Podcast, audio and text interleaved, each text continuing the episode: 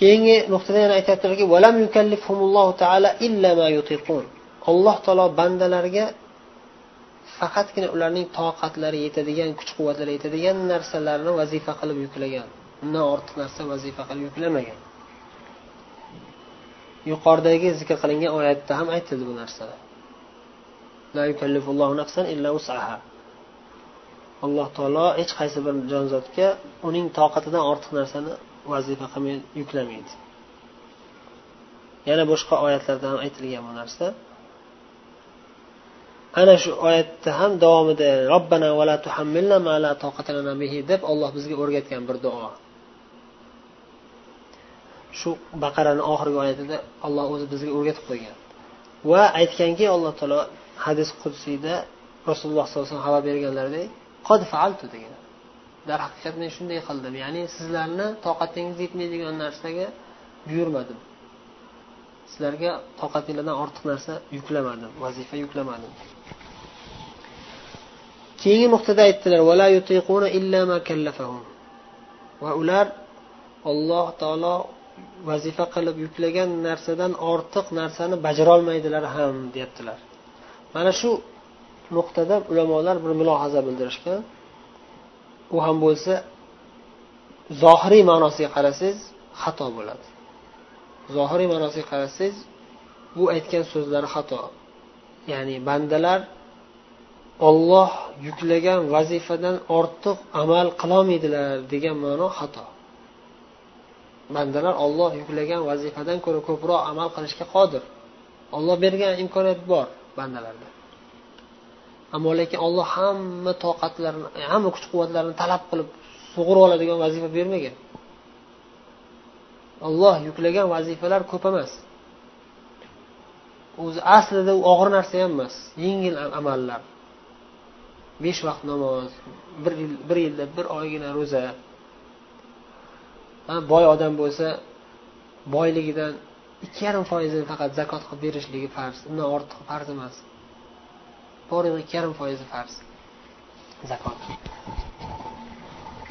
zohiriy ma'nosiga qarasangiz mana shu ma'no chiqyapti imom tahoviy so'zlaridan ya'ni insonlar bandalar olloh buyurgan narsadan ortiq vazifa bajarolmaydilar ya'ni besh vaqt farz namozdan ortiq namoz o'qiolmaydilar desa bu xatodir o'zi aslida ellik vaqt ellik vaqt namoz farz qilingan boshida rasululloh sallallohu alayhi vasallam osmonga chiqqanlarida keyin muso alayhissalom maslahatlari bilan rasululloh sollallohu alayhi vasallam payg'ambarimiz osmonga yana qaytadan ko'tarilib yettinchi qavat osmon tepasiga ko'tarilib yana allohdan iltijo qilib so'radilar olloh kamaytiraverdi kamaytiraverdi oxiri besh vaqt namozga tushirildi. Demak o'sha ellik vaqt bo'lganda ham biz ado etsak bo'lardi. Chunki alloh taolo bizga amrimahol bo'lgan narsani buyurmagan. Ellik vaqt namoz o'qisak bo'lardi o'shaning uchun buyurgan. Lekin allohni rahmi kengligi uchun marhamat kengligi uchun kamaytirib besh vaqtni faqat namoz farz qildi besh vaqt. Ammo o'sha agar afzaliyat jihatdan kelsangiz besh vaqt namozdan tashqari kechalar tahajjud o'qishingiz mumkin. Kunduzlari yana nafl namoz o'qishingiz mumkin. Qurbingiz yetadi shu narsaga. O'sha zohiriy shu ma'nolardan qarasangiz shu jihatlardan qarasangiz shu zohiriy ma'nosi bu yerda aytilayotgan ma'no shunga boradi shu narsa xato. Lekin boshqa tomondan qarasangiz agar taqdir masalasi nuqtai nazaridan qarasangiz to'g'ri ma'no chiqarsa bo'ladi. Ularga yuklagan narsadan ortiq narsa bajarolmaydilar deganini boshqa bir tomondan qarasangiz ya'ni qilib o'tgan ishlaridan bilasiz. Ya'ni misol uchun bo'lgandan keyin bir narsa bo'lgandan keyin bilasizki bu narsa o'tib ketdi. Undan ortig'i bo'lmaydi u. Bu narsani kelajakda ham shu ahvolda ya'ni siz qay darajadagi iymonli odam bo'lasiz? Olloh shuni yozib qo'ygan bo'lsa o'shandan u yog'iga o'tib olmaysiz degan. Ya'ni masalan siz sahobiylar darajasiga yetolmaysiz yoki siz hatto tobiiylar darajasiga yetolmaysiz yoki buyuk allomalar darajasiga yetolmaysiz yetishingiz mumkin aslida harakat qilsangiz. Lekin taqdirda yozib qo'ygan bo'lsa agar siz ma'lum bir darajadagi mo'min bo'lasiz undan ortiq bo'lolmaysiz deb yozib qo'yilgan bo'lsa o'shandan ortiq bo'lolmaysiz. U aniq narsa. Lekin bu narsa g'aybiy narsa. Ilmil g'aybda bu biz bilmaymiz bu narsani. Biz taxminan aytishimiz mumkin. Masalan bizga o'xshagan ojiz gunohkor odamlar hech qachon sahobiylar darajasiga yetolmaymiz bu aniq narsa. Sahobiylar darajasiga yetolmasligimiz u aniq narsayu. Undan keyingilarni qaraylik misol uchun tobeilar darajasiga yoki ulardan keyinroq kelgan ulamolar darajasiga. Aniq yetolmasligimiz mumkin. Imom buxoriy darajasiga kim yeta oladi bir million hadis yodlagan u hadislarni ham sahih zaiflarni ajratib chiqqan juda kuchli olim bo'lgan. Kim imom buxoriy darajasiga yeta oladi taxmin aytamiz u kishidan keyin u kishiga yetadigan odam chiqmaydi. Chiqmagan. Chiqmaydi ham deb aytishimiz mumkin taxminan. Har bir zamonni odamlar o'sha zamon o'ziga yarasha bo'ladi. Hozirgi zamondagi odamlar iymoni ma'lum bir darajada bo'ladi. Undan ortig'ini bajara olmaydi. Nimaga desangiz muhit ta'sir qiladi o'zini dangasalligi ta'sir qiladi iymoni zaifligi ta'sir qiladi. Shu nuqtai nazardan kelib qarasangiz ma'nolar to'g'ri ma'no chiqarsa bo'ladi. Qo'lingdan kelgan ishni qilgin ukaginam deysiz misol uchun bittasi. Katta ish qilayotgan bo'lsa og'ir yuk ko'taraman eh manga qaragin san shu og'ir yuk ko'tarmay qo'yavergin san kichkinalarni ko'taravergin qo'lingdan keladigan ishni qilgin. E, balkim ko'tarishi mumkin lekin siz taxminan bilasiz shu narsa qilolmaydi. Shuncha siz shu o'zingni ortiq qiynamagin. San hozir kichkinasan hali. Hali sanga erta bu narsalar. San qo'lingdan keladigan ishni qilib turavergin deysiz. O'sha o'sha ma'noga ishora borga o'xshaydi bu yerda. Ya'ni har kim o'zini qurbi yetadigan o'zini imkoniyatini bilish kerak. Ortiqcha qiynab qo'yib o'zini dindan keyin nafratlanib cheki ya'ni tarbiyada bu muhim narsa bu. Ya'ni hatto alloh taolo sahobiylarni tarbiyalaganda rasululloh sollallohu alayhi vasallam vositalari bilan ularni ham sekin sekin sekin sekin tarbiya qilindi. Birdaniga kelib aroq ichmanglar deyilmadi? O'rganib qolgan odamlarga aroqqa o'rganib qolgan odamlarga. Ha boshida aroq namoz vaqtida ichmanglar deyildi. Keyin aroq zarar ko'p deyildi. Keyin oxirida umuman ichmanglar deyildi. Madinaga kelinganda ham birdaniga hamma farzlar nozil qilinib shariat hammasi birdaniga farz qilib qo'yilmadi. Sekin sekin sekin sekin kuchaytirib boradi. U ham tadarruj deyiladi arabchada. Darajama daraja sekin sekin ko'tarilib borilish bu bor narsa. Bu tabiiy inson tabiatiga to'g'ri keladigan suratda bo'lishi kerak. وهو تفسير لا حول ولا قوة إلا بالله va mana shu narsa la havla va la quvvata illa billah deb doim zikr qilib yuradigan zikrimizning tafsiri deyaptilar ya'ni rasululloh alayhi vasallam o'rgatgan zikrlardan buyuk ma'noli buyuk savobli zikrlardan biri nima la havla va la quvvata illa billah deyishlik la havla va la quvvata illa billah Hech qanday choramiz yo'q. Hech qanday kuch quvvatimiz yo'q magaram olloh bilan bir ollohning yordami bilangina. Naqulu la hilata li ahadin va la harakata li ahadin deyaptilar sharhda. Imom tahoviy o'zlari shu zikrni sharhlab. Aytamizki hech kimga hech qanday bir hiyla bir chora yo'q. Vala hech kimni hech qanday bir harakat qilishga imkoniyati yo'q. Shunday qo'lingizni ko'tarib tushirishingizga ham shuni hozir suvni ko'tarib ichishingizga ham hech qanday harakat qilolmaysiz agar olloh xohlamasa. Vala tahavvula ahadin. Hech kim bir holatdan boshqa bir holatga o'zgara olmaydi. Vala tahavvula ahadin an ma'siyatillah. Ya'ni ollohga gunoh qilib qo'yishdan chetlanishlik ham hatto hech kim imkoniyatida yo'q narsa. Illa bimaunatillah faqatgina ollohni yordami bilangina hayotingizda juda ham ko'p gunoh gunohlarga kirib qolasiz. Juda ham ko'p gunohlarni qilasiz. Illo agar olloh qutqarsagina o'sha gunohlardan chetlanasiz. Alloh gunohlarimizni kechirsin. Haqiqatda biz hayot juda ko'p gunohlar qilib qo'yamiz. Shunday bir ko'chaga chiqib ketsak ham o'zi yetarli gunohlar. Ko'chada qancha nomahram ayollar ochiq sochiq yurgan bo'ladi yoki hijobini chala chilpa qilib o'rab yurgan bo'ladi. Shunday ko'zi tushishlik bilasiz shu narsalar borligini lekin baribir yana chiqasiz. Bozorga borasiz baribir. Majburman deysiz. Iymonimiz zaiflik jihatlari ham bor shu nuqtai nazardan ya'ni majbur bo'lmasak ham endi nima qilamiz endi? Hayot shu deylik bilamiz balon joyga borsak o'sha yerda ko'zimiz har xil narsalarga tushib qolishini bilamiz yana boraveramiz o'sha yerga. Gunoh emasmi bu? alloh gunohlarimizni kechirsin illa bima'unatillah faqatgina ollohni yordami bilangina ana shu gunohlardan chetlanasiz uzoqlanasiz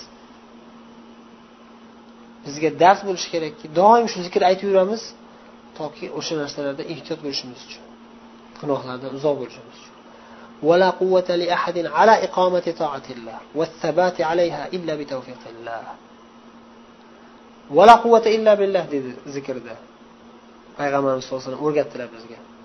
Biz hech qanday quvvatimiz yo'q illa allohning yordami bilangina kuch quvvat bo'ladi bizda. Kuch quvvat qanaqa kuch quvvat? Nimaga? Ala iqomati toatillah alloh taoloning toat ibodatini qoyim qilishlik uchun ham kuch quvvat kerak u kuch quvvat bizda yo'q illo alloh tavfiq qilsa bo'ladi. Ya'ni besh vaqt namoz o'qishimiz uchun ham bizdagi kuch quvvat faqatgina ollohning tavfiqi ila paydo bo'ladi. Allohning tavfiqi ila bajara olamiz o'sha narsani alayha deyaptilar. Ya'ni shunga sobit qadam bo'ling. Vafot qilgungacha o'limga qadar allohning toat ibodatida yashab o'tishlik uchun kuch quvvat kerak sabr sabot kerak bu narsa faqatgina allohning tavfiqi bilan bo'ladi. Mana shu allohning tavfiqi istitoatni birinchi ma'nosi shu. Istitoat sharh bu hammasi. Qodir bo'lishlikni chaqir. Qodir bo'lish degani agar allohning tavfiqi degan ma'noda bo'lsa allohga xos bo'lgan narsa. Shak shubhasiz. Ya'ni hech kim hech qachon musulmon bo'lolmaydi hech kim hech qachon namozxon bo'lolmaydi hech kim hech qachon ro'zador bo'lolmaydi hech kim hech qachon hoji bo'lolmaydi magar olloh tavfiq qilsa faqatgina olloh tavfiq qilsagina o'sha odam shunday narsalarga muvaffaq bo'ladi. Demak birinchi ma'nosi shu istitoat qodir bo'lishlik ya'ni muvaffaq bo'lishlik degan ma'noda keladi ba'zida. Agar shu ma'noni e'tiborga olib qaraydigan bo'lsangiz bu faqatgina ollohning qo'lida. Olloh xohlamasa bo'lmaydi. Shuning uchun imom tahoviy va shu aqidai tahoviyani boshlashda nima dedilar. Naqulu fi tavhidillohi mu'taqidina bi tavfiqillah dedilar. Kitobni boshida kitob boshlashdan oldin aytdilarki naqulu fi tavhidillohi mu'taqidina bi allohning tavhidi borasida aytamizki mu'taqidina e'tiqod qilgan holimizda aytamizki bitavfiqillah shu aytayotgan gapimizni ham e'tiqodimizni ham bitavfiqillah allohning tavfiqi bilan aytamizki deb keyin boshladilar. Shak shubhasiz alloh taolo yagona zot. Unga hech qanday sherigi yo'q bo'lgan zot. Deb aqidani boshlaganlarida shu birinchi tavhiddan boshladilar o'sha tavhiddan boshlashdan oldin ham ollohni tavfiqi bilan gapiramiz deyaptilar. Ollohni tavfiqi bilan e'tiqod qilib gapiramiz deyaptilar. Ya'ni o'sha birinchi ma'nosi istitoat qodir bo'lishlik muvaffaq bo'lishlik. Bu faqatgina faqatgina ollohning tavfiqi bilan bo'ladi. Qodir bo'lishlik faqatgina olloh qodir qilsa keyin qodir bo'lasiz. Bo'lmasa bo'lmaysiz degani ikkinchi ma'nosi sog'lik salomatlik jihatlari e'tibor olinadi sabab degani ikkinchi ma'nosi. Ya'ni sabablar yetarlimi sabablar yetarli sabablaringiz bormi? Misol uchun makkaga bormoqchi bo'lsangiz bilet oldingizmi? Pasportingizga viza urdingizmi? Yetarli sabablaringizni bajardingizmi? Yetarli pul yig'dingizmi?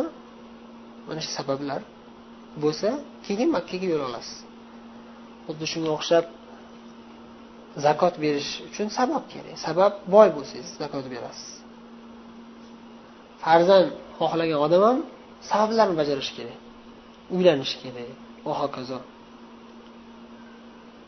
Ikkinchi istitoat ma'nosi mana shu. Ya'ni qodir bo'lishlik degani ikkinchisi ma'no ikkinchi ma'nosi ya'ni o'sha narsaga yetarli sabablarni imkoniyatlarini borligi.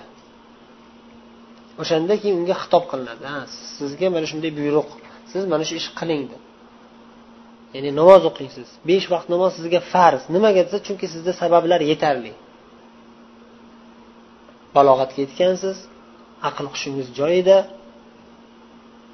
namoz qonun qoidalarini o'rganing o'rganing o'qing namoz o'qing. Besh vaqt namoz o'qing. Va hokazo. Ikki qo'lingiz yaxshi ishlaydi ikkita oyog'ingiz yaxshi ishlaydi tilingiz yaxshi aylanadi o'tirib tura olasiz sajda qila olasiz. Imkoniyatlaringiz bor sizni sabablar yetarli sizda demak sizga nima xitob qilinadi. Sizga xitob ya'ni farz sizga namoz. Mana shu imom tahoviyni bayon qilmoqchi bo'lgan bu yerdagi mavzulari masalalari nuqta mana shu ya'ni. Keyingi nuqtada aytiladiki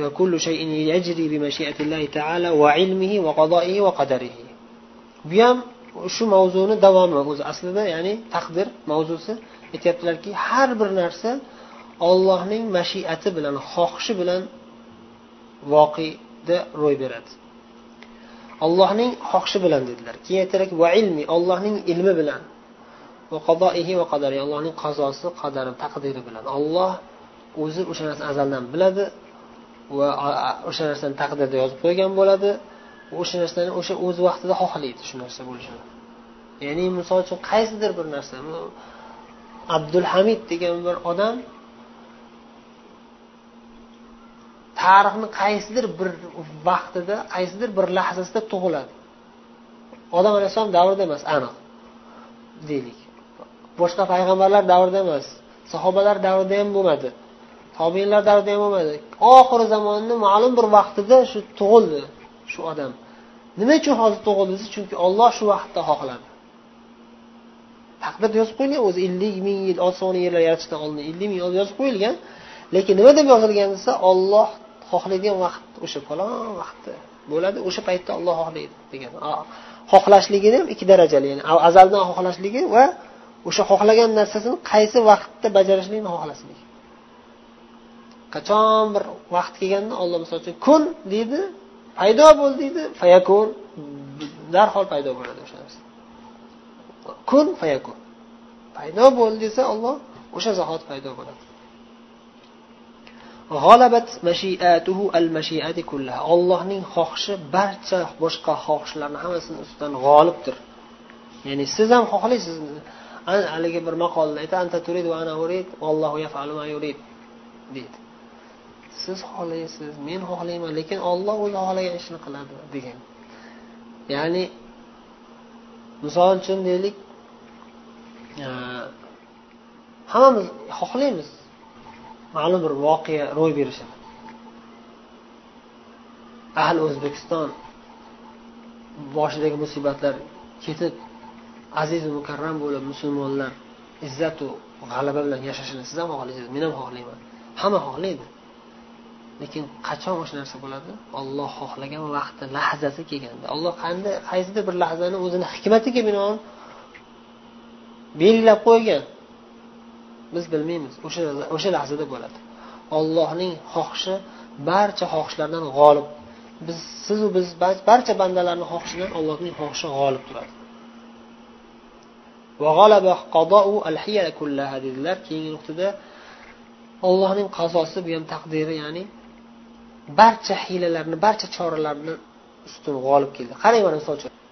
Kofir davlatlar har xil hiylalar qilyotibdi har xil choralarni ko'ryotibdi. Nima maqsadi? Islomni yo'q qilish. Musulmonlarni yo'q qilish. Lekin hammasi mag'lubiyatga uchrayapti. Qancha harakat qilsa shuncha islom kuchayib ketib qolyapti. Har xil hiylalarni har xil fitnalarni dahshat sochlaringiz tikka tikka bo'lib ketadiku fitnalar qiladi. U narsani eshitsangiz siz endi musulmonlarni bir zarracha bir kuch qolmasa kerak butunlay endi musulmonlar yo'q bo'lib ketsa kerak islomda hech kim qolmasa kerak endi deb moddiy tarafdan qarasangiz dahshat haqiqatda olloh o'zi qur'onda ham xabar berib qo'ygan kofirlarni makr hiylasi yomon bo'lishini. Degan alloh taolo qur'onda. Ya'ni kofirlar islom dushmanlari islomga qarshi shunday makruh hiylalar qiladiki tog'lar parchalanib ketib tog'lar yo'qolib ketadigan darajada hiylalar qiladi degan olloh qur'onda xabar berib qo'ygan shu darajada shayton kuchli o'rgatgan ularga millionlab tajribasi bor shaytonnida islomga qarshi ollohni diniga qarshi o'sha tajribalardan foydalanib bular hozir butun dunyoda musulmonlarga turli tuman fitnalarni turli tuman musibatlarni rejalab hiylalarni boshimizda tatbiq qilib kelyapti lekin baribir natijada nima bo'lyapti? Islom kuchayib ketyapti. Baribir natijada islom kuchayib ketyapti. Demak allohning qazosi qadari barcha hiylalarni ustidan g'olib kelyapti. Har qancha harakat qilinayotgan har qancha hiylalar o'ylab hiylalar tadbiq qilinayotgan bo'lsa ham lekin baribir ollohning taqdiri ulardan g'olib kelib turibdi.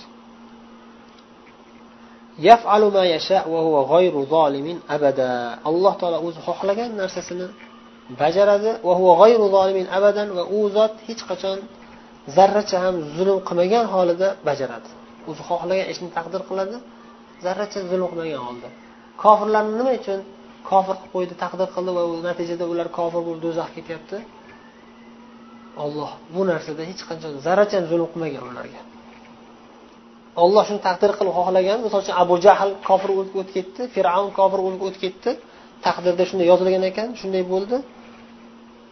Lekin olloh zarracha ham ularga zulm qilmadi. Ular o'z ixtiyori bilan shu ishni qilib ketdi. Taqdirda yozilgan bo'lsa ham o'ziga yarasha ularga imkoniyat bergandi alloh taolo. Hidoyat yo'lini ko'rgandi haqiqatni ko'rgandi lekin qabul qilmadi. Balki unga qarshi urushib zulm zo'ravon bilan o'tib ketdi. O'ziga o'zi zulm qildi musulmonlarni qiynab musulmonlarga zulm qildi. Kofir bo'lib o'tib ketdi. O'sha abu jahl bo'ladimi undan oldingisi fir'avn bo'ladimi undan oldingisi namrud bo'ladimi boshqa hammasi kufrini zulmini qilib o'tib ketdi. Alloh ularga zarracha ham zulm qilmagan.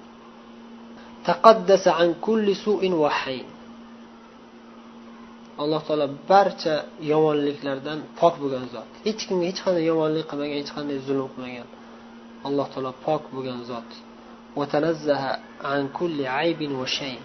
Alloh taolo barcha aybu nuqsonlardan shayn xunuk narsalardan xunuk ishlardan xunuk sifatlardan barcha aybu nuqsonlardan alloh taolo pok bo'lgan zot.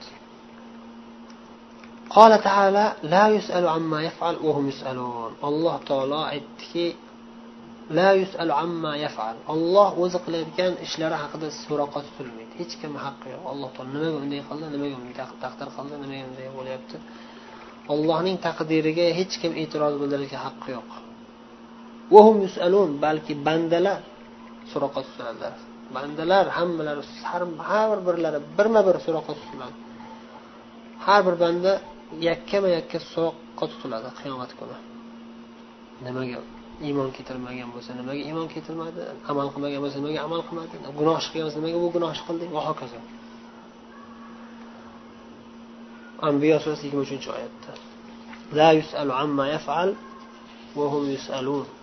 Alloh taolo o'zi qilayotgan ishlari haqida hech qachon so'roqqa tutilmaydi bandalar so'roqqa tutiladilar alloh taolo nima uchun so'roqqa tutilmaydi desa nimaga? Chunki alloh taolo hech qachon behikmat ish qilmaydi o'zi. Nima uchun palonchini kofir qilib qo'ydi? Chunki hikmati bor siz bilmaysiz siz ojiz bir banda kallangiz yaxshilamaydigan bir aqlingiz o'zingizga yarasha kichkina bir aql. Siz tushunmaysiz. Olloh biladi uni hikmatini. Alloh taolo mukammal hikmatga ega bo'lib azaldan shu narsani taqdir qilgan. Azaldan buyuk mukammal hikmatga ega bo'lgan zot. Hech qachon behikmat zarracha ham ish qilmaydi. Alloh subhanava taolo zarracha bir narsani taqdir qilmaydi behikmat qilmaydi. Shuning uchun hech qachon so'roqqa tutilish mumkin emas. Shuning uchun sharhda ulamolarning ba'zilari aytishadiki buyuk hikmatga ega bo'lgan odamdan hech qachon nimaga bunday ish qilding deb so'ralmaydi. Odobsizlik bo'ladi hatto bu. Hikmatlimi donomi yetdi yetadi o'zi bilish kerak. Bu oddiy bandalarda ham shunday odat. Buyuk zotgacha alloh taolo azza va jallagacha buyuk hikmat egasi bo'lgan zotga hech qachon hech kim haqqi yo'q. Alloh taologa bunday e'tiroz bildirishga taqdiriga alloh buyuk hikmatlarga binoan taqdir qiladi. Nima taqdir qilgan bo'lsa ham. Bandalar xatoga aybi nuqsonga duch bo'lgan doim xato qilib qo'yadigan doim gunoh qilib qo'yadigan doim e, aybu nuqsonlar bilan to'lgan insonlar bo'lganligi uchun bandalar hammasi shunga yarasha so'roqqa tutiladi shariat hukmiga binoan qiyomatdagi allohning so'roq savoliga binoan ular hammasi so'roqqa tutiladi hisob kitob qilinadi. Lekin bu degani alloh taolo qaysidir bir narsani taqdir qilgan bo'lsa yoki bo'lmasam bir jihatdan bu ikkinchi jihatdan qaysidir bir ishga buyurgan bo'lsa shu narsani hikmatini o'rganish mumkin emas biz bilmas ekanmiz ko'r ko'rona jim o'tiraverish kerak ekan degani emas aslo. Har bir taqdirda boshimizga tushayotgan musibatlar bo'ladimi yoki boshqa yaxshi voqealar bo'ladimi? Taqdirda yozib qo'yilgan voqeda ko'rilayotgan voqealar taqdiriy kavniy jihatlardan bo'layotgan narsalar ham allohning taqdirida ham hammasi juda buyuk hikmatlar bo'ladi va o'sha narsani o'rganishimiz mumkin ba'zilarini bilishimiz mumkin o'rganib. Ikkinchi jihati hikmatli buyruqlar shariat islom ahkomlari. Olloh nima namoz nima uchun besh vaqt namoz o'qinglar dedi. Chunki buyuk hikmatlari bor. Qaysi hikmatlar? Uni o'rganishimiz mumkin. O'qisak ilm olsak nima uchun aroq harom qildi? Nima uchun zinoni harom qildi? Nima uchun riboni harom qildi? Buni buyuk hikmatlari bor. O'rgansak ba'zilarini o'rganib bilishimiz mumkin. Lekin e'tiroz shaklida bo'lsa agar bu kufr bo'ladi. Chunki alloh taolo hech qachon behikmat bir ishga buyurmaydi bir ishni taqdir qilmaydi. Biz bir voqeani o'rganishimizda bir buyruqni o'rganishimizda birinchi o'rinda ollohning buyuk hikmatlari bor deb yuz foiz e'tiqod qilib keyin o'rganamiz. O'sha hikmatlardan ba'zilarini o'rganamiz. Balki bilarmiz ba'zilarini balki bilolmasligimiz ham mumkin. Bilolmasak biz bandamiz ojizmiz ilmimiz kam. O'sha jihatlardan bilolmagan bo'lamiz. Hikmat yo'qligidan emas buyuk hikmatlar bo'ladi doimo. سبحانك اللهم وبحمدك نشهد أن لا إله إلا أنت نستغفرك ونتوب إليك. والسلام عليكم ورحمة الله وبركاته.